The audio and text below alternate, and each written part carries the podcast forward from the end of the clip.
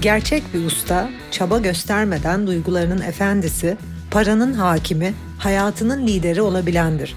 Ben Nevşah. Sana ustalık yolculuğunda eşlik etmek için buradayım. Yola çıkmaya hazırsan Ustalar Sınıfı podcast başlıyor.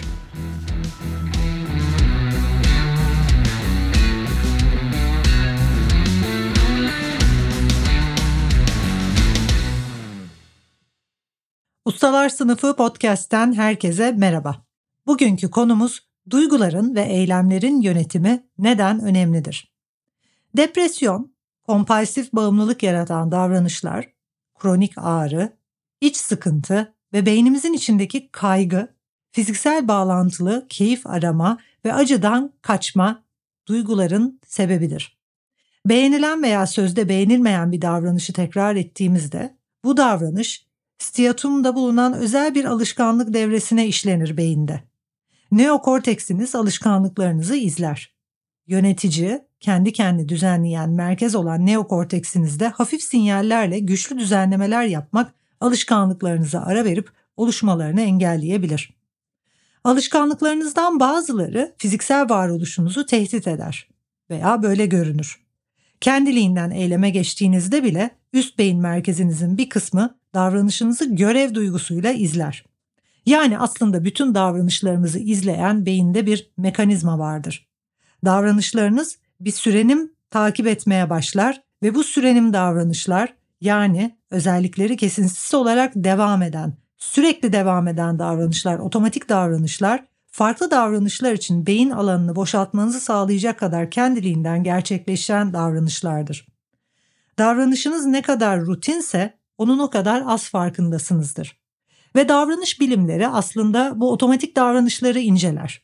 Bir davranış bilimci olarak sizlerin nefes alışkanlığınızda ve zihin alışkanlığınızda ve aynı zamanda gündelik hareketlerinize, davranışlarınıza yansıyan otomatikleşmiş davranışlar ve otomatikleşmiş özellikleri inceliyorum. Çok uzun yıllar üzerinde çalıştığım ve geliştirdiğim yine hepinizin bildiği nefes analizi diye bir sistemim var. Nefes analizi, Nefes Bilimleri Fakültesi ile oluşturduğumuz aslında basit bir davranış analizi. Eğer nefesinizi analiz etmek, yanlış nefes alıp almadığınıza bakmak istiyorsanız BreathUp uygulamasında bunu yapabilirsiniz. Teknolojiyi kullanarak bir algoritma geliştirdik ve sizler BreathUp uygulamasını telefonunuza indirip bir hafta ücretsiz deneyip bu nefes analizini bitirebilir ve kendi nefesinizde ne gibi yanlışlıklar var, bunu düzeltmek için neler yapmanız gerekiyor görebilirsiniz.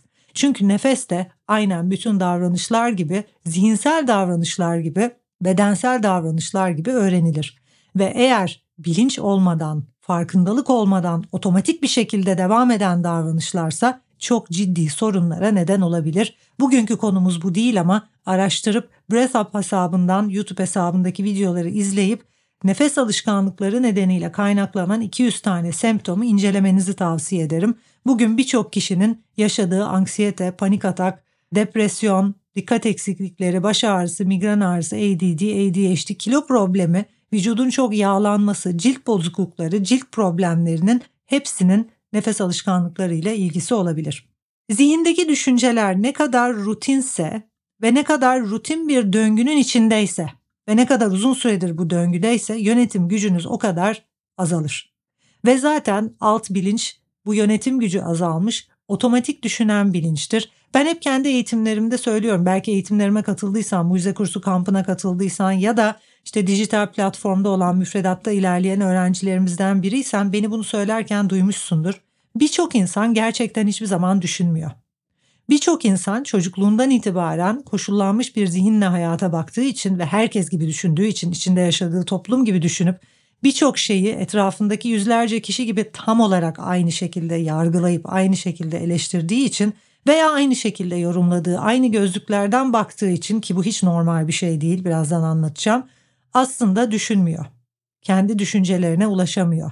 Otomatik bir şekilde sürekli çocukluğundan beri her olayı aynı şekilde yorumluyor ki zaten eğer düşünceleriniz çok uzun zamandır değişmiyorsa orada mutlaka otomatikleşmiş bir durum vardır. Ne yazık ki dünya çapında birçok kişinin durumu bu. Otomatik düşünceler, otomatik nefes alışkanlıkları, otomatik duygular, tam olarak belli bir viteste mesela araba kullanmayı öğrendiğiniz ilk zamanlarda tüm konsantrasyonunuz arabada, dikkatinizi veriyorsunuz, farkındalığınız orada.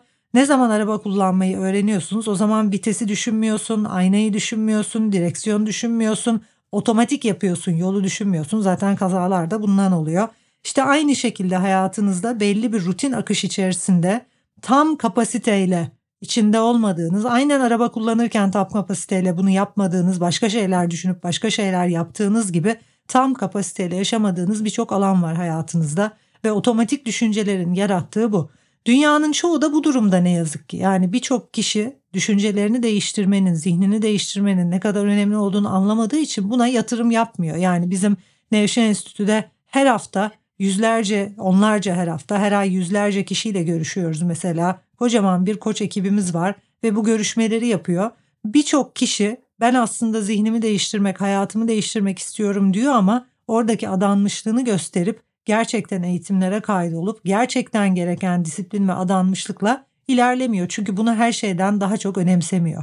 Evet bunun bir bedeli var. Tabii ki de senin zihnini değiştirmenin bir bedeli var ama bunun eğer hayatındaki her şeyden daha önemli olduğunu anlamışsan zaten bu bedeli ödemeye de hazırsındır. Bizler değer vermediğimiz alana bir bedel ödemeye hazır değiliz ve aslında birçok kişinin dilinde. Yani birçok kişi yaşamımda bir şey değiştirmek istiyorum diyor da aslında değiştirmek istemiyor. O kendi döngülerinden ve düşük farkındalıktan memnun durumda gözüküyor. Ve birçok kişi bu rutin akışın içinde süre gelerek, yuvarlanarak gidiyor farklı bir şey yapmadan. Toplumda çok sivrilmiş liderlere baktığımızda ise birkaç gün önce mesela Elon Musk'ın bir videosunu dinliyordum ve onunla ilgili bir biyografi aslında bir videoyu dinliyordum. Tüm büyük işler başarmış kişiler gibi çok farklı bir düşünce yapısının, çok farklı karakter özelliklerinin olduğunu görüyoruz. Eğer dünyada herhangi bir konuda iş olabilir, bir buluş olabilir, bilim dünyası olabilir, ödüllü kişilere baktığımız zaman mesela aynı şeyi görüyoruz. Bilim dünyasında büyük ödüller almış kişilere baktığımız zaman diğerlerinden farklı düşündüklerini, diğerlerinden bir şeylere farklı baktıklarını, aslında bu teyp gibi devam eden düşüncelere sahip olmadıklarını görüyoruz. Çünkü bu teyp gibi devam eden düşünceler seni standartlaştıran, sana ait olmayan, tamamen başkasından emboze edilmiş ve hiçbir anlamı olmayan, hiçbir manası olmayan, hayat amacına bağlantıda olmayan, özünle bağlantıda olmayan, otantik kimliğinle bağlantıda olmayan kalıplar. Bu kalıplardan özgürleşmediğiniz müddetçe kendinizi bulamazsınız. Zihninizle düzenli çalışmadığınız müddetçe, nefesinizle düzenli çalışmadığınız müddetçe, düzenli meditasyonu çok iyi anlayıp yapmadığınız aslında Enstitü müfredatının 5 prensibi niye var? İşte bu 5 prensip bu yüzden var. Öğrettiklerimi öğrenmediğiniz müddetçe ve bu yoldan gitmediğiniz müddetçe 5 ana prensibi uygulamadığınız müddetçe bu olmuyor. Ve çok netim bu konuda. Yani eğer gerçekten ustalaşmak, gerçekten bu döngülerden özgürleşmek, olağanüstü eşsiz bir insana dönüşmek istiyorsanız oturup epey kendinizle çalışmanız gerekecek. Bir gün değil, üç gün değil, beş gün değil, aylarca ve senelerce. Niye Nevşehir Enstitü müfredatı 3 sene devam ediyor? Bu sebeple. Peki 3 senenin sonunda ne oluyor? Olağanüstü liderler çıkıyor. Olağanüstü projeler çıkıyor. Bunu canlı yayınlarda görüyorsunuz. Instagram canlı yayınlarını takip ediyorsanız öğrencilerimizle Nevşehir Enstitü Instagram'ından olan orada görebilirsiniz. Olağanüstü işler yapan, dünya çapında global başarılar elde eden olağanüstü liderleri ortaya çıkarıyoruz. Ve benim için bunu izlemek harika ve neyin bunu sağladığını da çok çok iyi biliyorum. Bu beş prensip, bu beş prensibi uygula. Kesin sonuç uygulamadığında da imkansız. Çünkü zihin bir alışkanlık geliştiriyor. Aynen davranış alışkanlıkları gibi zihinsel alışkanlıklar geliştiriyoruz ve bunların farkına varmıyoruz. Yapman gerekeni yapıyorsun, hiç üzerinde düşünmeden, gerçekten düşünmeden, nasıl düşünüyorsan öyle düşünüyorsun varlığın orada artık yok gibi zihin otomatikleşmiş durumda ve sen yoksun aslında orada. O yüzden hayatınız anlamsızlaşıyor. O yüzden bir boşlukta kaybolmuş hissediyorsunuz. O yüzden tatminsizlik yaşıyorsunuz. Ben de oradayım seneler önce. 20'li yaşlarda işte genç yaşlarımda ben de oradaydım. Gayet tatminsiz, kendini kaybolmuş hisseden, depresif, ne kadar anlamsız bu hayat diyen biriydim. Çünkü otomatikleşmiş düşünceler insana bunu yapıyor. Ego bilincinde olduğunuzu nereden anlayabilirsiniz biliyor musunuz? Bir, sıkıntı, boredom. Yani gün içinde ne kadar sıkılıyorsanız o kadar anlamsız düşünceler içinde, o kadar tep gibi devam eden alt bilinç ve ego bilinci içindesiniz. İki, hayat amacınızı bulmadıysanız size ilham veren, yataktan her gün sıçrayarak kalkmanıza neden olan, size ilham veren o şeyi bulmadıysanız ve onu yapmıyorsanız. Üç, bir takım semptomlarınız varsa, baş ağrınız varsa, vücut ağrılarınız varsa, işte aşırı duygusal çalkantılar yaşıyorsanız, anksiyete, panik gibi veya işte depresyon gibi, stres gibi problemler bunların hepsi kendi merkezinizden uzaklaştığınızın göstergeleri.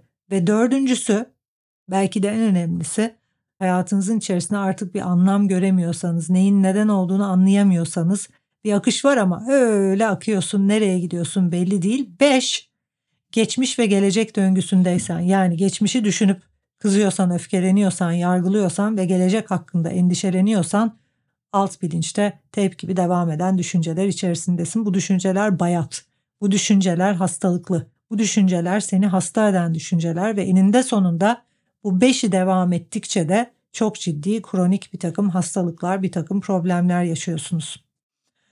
Aslında bu otomatik düşüncelere baktığımızda bisiklet kullanırken de böyle yani önce mesela iki tekerlek üzerinde çok dikkatle ilerliyorsun. Tam kapasiteyle yüksek konsantrasyonla sonra bunu kaybediyorsun. Aslında ilk başta öğrenilmiş düşünceler veya ilk başta kalıplar dikkatle birlikte de olabilir. Sonra onlar kalıba dönüştüğünde probleme neden oluyor. Rutin kötüdür demiyoruz aslında burada. Sürekli olarak aynı şeyi farkında olmadan tekrarladığında bu bir negatifliğe dönüşüyor diyorum aslında. Hastalıklı bir durum oluyor. Eylemleri zihinsel olarak yönetmemek yani bilincini zihnine eylemlerine katmamak, zihninin otomatik düşünceler içinde olması bir takım sonunda hastalıklara ve bağımlılıklara neden oluyor. Her şey her an otomatikleştiği için hayatın içinde zaten usta bilinçte kalmamış oluyorsun. Çünkü otomatik bir bilinçle usta bir bilinç çok farklı. Bizler usta bir bilince geçtiğimiz zaman kendi yönetimimizi elimize alıp daha objektif bir bilince geçip bütün bu düşünce kalıplarından ayrıştığımızda herkesten farklı düşünüyoruz. Zaten yaşam amacımızın, kaderimizin olduğu nokta orası. Niye alın yazısı deniyor kadere? Çünkü bu alnında yazıyor. Beynin ön loblarında, prefrontal lobunda gerçekten hepinizin sadece size ait, başka kimseye ait olmayan bazı düşünceleriniz, bazı fikirleriniz var. İşte Elon Musk'ın yaptığını başka kimsenin yapamaması ya da Mozart'ın yaptığını kimsenin yapamaması gibi sadece sana özel fikirlerin, sadece sana özel başka kimseye verilmemiş yani kapalı bir kutu düşün tam alnının ortasında minicik bir kutu. Orada hepimizin sadece bizim yapabileceğimiz şeyler var. Sadece bizim düşünce şeklimiz ve bu bizim otantik düşünce şeklimiz. Bunlar sadece zihnimizdeki kalıplardan özgürleştiğimizde ulaşılabiliyor. Ve bunlara ulaşan insan için bütün kapılar açılıyor. Yani eğer düzenli olarak bu canlı yayınları izliyorsanız özellikle Nevşehir Enstitü'de öğrencilerle hepsinin aynı şeyi söylediğini göreceksiniz. Zihnimle çalıştıkça işte öğrettiğim bir de değerler prosesi var. Hayat amacınıza uyandığınız, otantik kimliğinize uyandığınız, orijin hikayemle çalıştıkça, zihnimle çalıştıkça, kendimi keşfettikçe her şey yolunda gitmeye başladı. Fırsatlar önüme çıkmaya başladı. Ayaklarımın altında bir kırmızı halı serildi. Hayat kolaylaştı. Çok güzel bir şekilde akıyor. Acayip bir tatmin içindeyim. Çok yüksek bir ilhamla bu hayatı yaşıyorum. Dediğiniz bir yaşamınız oluyor. Yaşamınızda kapanan bütün kapılar siz siz olmadığınız için kapanıyor. Bunu unutmayın. Sen kendin olmadığında, otantik olmadığında, kendi öz varlığınla, öz düşüncelerinle bağlantı olmadığında ki oraya varmak için çok çalışmak lazım. Hayatta her şey, hiçbir şey yolunda gitmiyor. O yüzden aslında bir kişinin kendini yani zihnini ustalaştırmak için adım atması, ustalık yoluna adım atması diğer bütün sıkıntılarını çözdüğü gün aslında. Çünkü sen zihninde ustalaşmak için, kendini keşfetmek için bir yola çıktığında işte o yüzden Nevşehir Enstitü müfredatına adım atan herkesin hayatında her şey artıyor.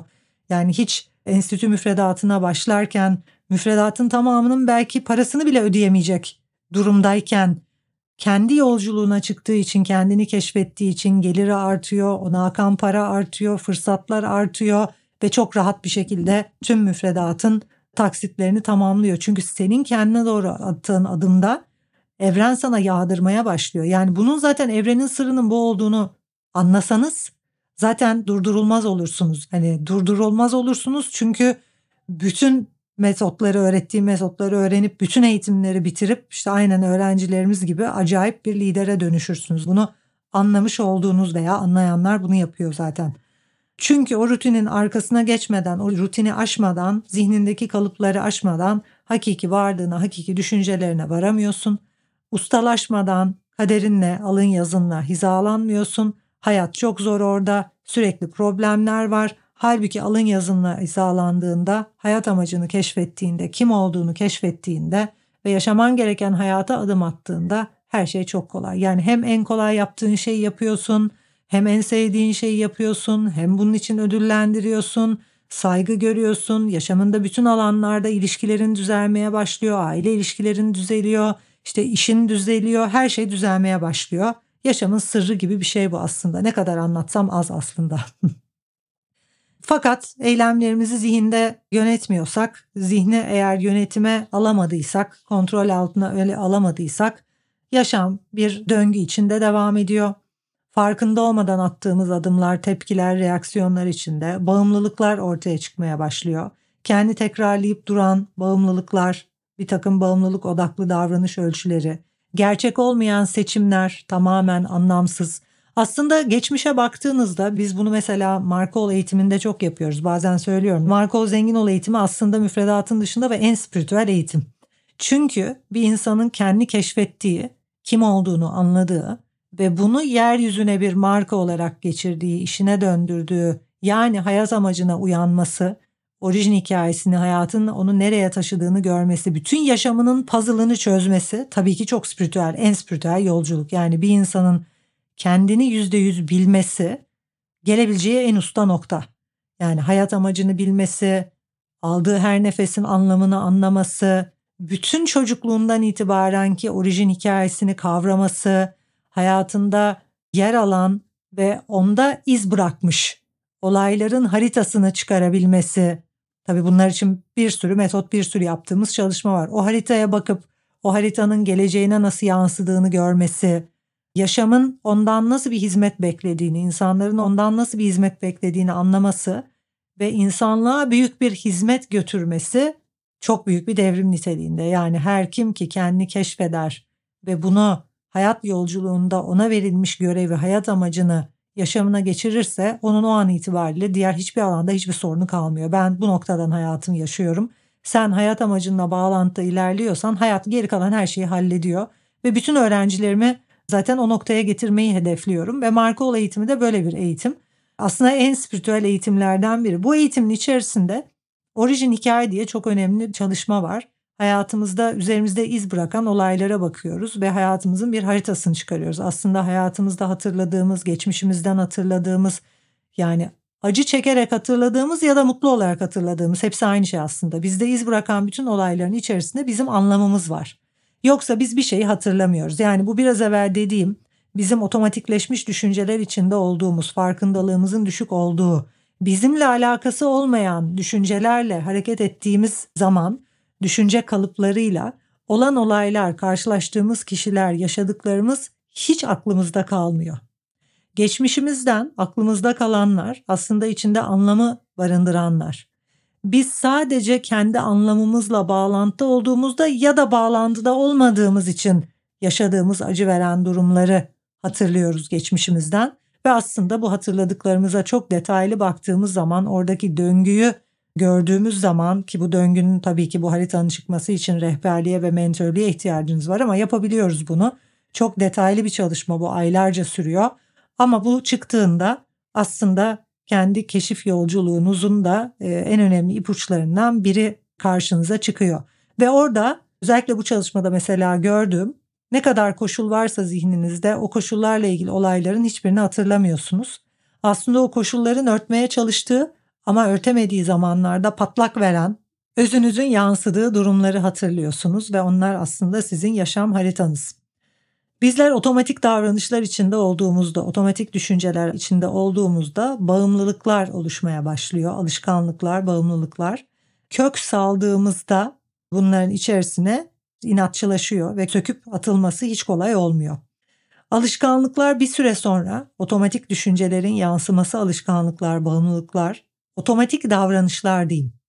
Öyle bir hal alıyor ki sen artık buna tekrarlamak istemesen de fiziksel bedenin bu davranışı öğrendiği için davranış olarak fizyolojin kendi kendine öğrenen bir şey çünkü fizyolojin ve sen farklısın. Fizyolojin senle ya da sensiz tamamen bilinçsiz şekilde öğrenebiliyor. Eğer fizyolojik öğrenilmiş bir alışkanlık varsa, eğer biyolojik öğrenilmiş bir alışkanlığa bu dönüştüyse, köklendiyse artık onu tekrarlamak istemesen de bu değişmiyor. Artık o alışkanlığı yönetebilme kapasiteni kaybediyorsun. Eminim bu şekilde tepkisel alışkanlıklar deneyimliyorsunuzdur. Beyinde dış neokorteks ve iç çekirdek striatumun birbirine bağlanmasıyla fazladan bir devre bulunuyor ve bir davranışı tekrar etmenle birlikte neokorteks ve daha eski striatumun arasında bir geri bildirim döngüsü oluşuyor. Yani bir takım davranışları tekrarladığında beyindeki bir öğrenme de gerçekleşiyor ve prefrontal korteks striatumunda o da dopaminin öğrenmeye yardımcı olan orta beyin iletişimine geçtiği yer alışkanlıklar sürekli devam edip bağımlılıklar devam ediyor. Mesela içki bağımlılığı, mesela sigara bağımlılığı, mesela uyuşturucu bağımlılığı bütün bunlarda beynin ayrı bir bölgesi aktive olduğu için artık otomatikleşmiş bir davranış devam ediyor ve bu alışkanlıklar nadiren kırılabiliyor o yüzden. Çünkü o beynin o bölgesinin beslenmesi gerekiyor. O yüzden rehab merkezlerinde, rehabilitasyon merkezlerinde aslında bu beynin bu bölgesinin soğuması diyeyim yani çok sıcak hale gelmiş bu durumun soğuması için bir takım ilaçlar da veriliyor biliyorsunuz. E, ve bu alışkanlık döngüsü kurulamadığı için de çoğunlukla bastırılıyor ve alternatif ifade şekilleri yerleştiriliyor bunun üzerine. Alışkanlıklarınız neredeyse otomatik görünse de aslında neokorteksinizin en az bir bölgesinin daimi kontrolü altında. Yani sen onu otomatikleşmiş zannediyorsun ama aslında beynin bunu kontrol ediyor ve alışkanlıkların gerçekleştirilmesi için bu bölgenin bağlantılı olması gerekiyor. Bu bölgeyi devre dışı bıraktığında da o alışkanlıklar yenilebiliyor ama tabii o zaman da gerizekalı olursun. O yüzden bu yapılamaz. Bilinçli bir algının gelişmesi için gerek duyulan zaman düşünüldüğünde çoğu teorisyen bunun beyin boşluklu devre sistemi içinde geri bildirim döngülerini içeren çıkarımlarında bulunuyor. Geri bildirim döngüleri omurilik veya beyincik ayrıldıktan veya hasar gördükten sonra bile var olmaya devam edebiliyor. Yani senin burada omurilik ve beyincik birbirinden ayrılsa ve çok ciddi bir hasar olsa bile bu döngülerin devam etme ihtimali var. Yani tamamen kendini kaybettiğin, bilinçsiz olduğun, hani zeka olarak geri olduğun bir seviyede bile bu döngüler devam ediyor olabilir öğrenilmiş davranışlar. Bütün mevcut kanıtlar neokortikal dokuların bilinçli hisler, hisler ürettiği imasında bulunuyor Prefrontal korteksinizdeki bir hücre popülasyonu destekleyici, tatminkar veya olumlu deneyimler sırasında bunlar etkin ve yine prefrontalde yer alan zıt bir popülasyon ile zorlayıcı, cezalandırıcı veya olumsuz deneyimlere etkinlik kazandırıyor. Bu iki zıt hücre popülasyonunda beyne farklı bağlantılara sahip ve olumlu olanlar tercihen bağlantılarını beynin ödül merkezi adı verilen derin bir beyin yapısına gönderirken olumsuz olanlarda lateral habenula adı verilen derin bir beyin yapısına bağlı. Bir sonraki bölümde duyguların ve eylemlerin kontrolü neden önemlidir bunu anlatacağım. Bu bölümün özeti olarak bizler eğer otomatik davranışlar içindeysek artık bir süre sonra bunlar belli alışkanlık, belli bağımlılıklara neden olabiliyor. Bilimsel olarak da beyinde ne olduğunu açıkladım ve onların dışına çıkmak imkansız hale geliyor. O yüzden çok öncesinde bu otomatikleşmiş davranışlar oluşmadan o otomatik düşüncelerle çalışmak veya eğer bu döngülerden çıkmak istiyorsanız bağımlılıklarından özgürleşen çok fazla öğrencim var mutlaka duyuyorsunuzdur sadece zihniyle çalışarak o zihindeki kalıplardan özgürleşmemiz gerekiyor ve o beyindeki devreyi soğutmamız gerekiyor. Bu mümkün, kolay değil ama mümkün. Özellikle de müfredattaki uyanış prosesiyle, zihin dönüşümüyle bu kesinlikle mümkün. Beni dinlediğin için teşekkür ederim. Dediğim gibi bir sonraki bölümde duyguların, eylemlerin kontrolü neden önemli? Buna biraz daha derinlemesine değineceğim. Görüşmek üzere.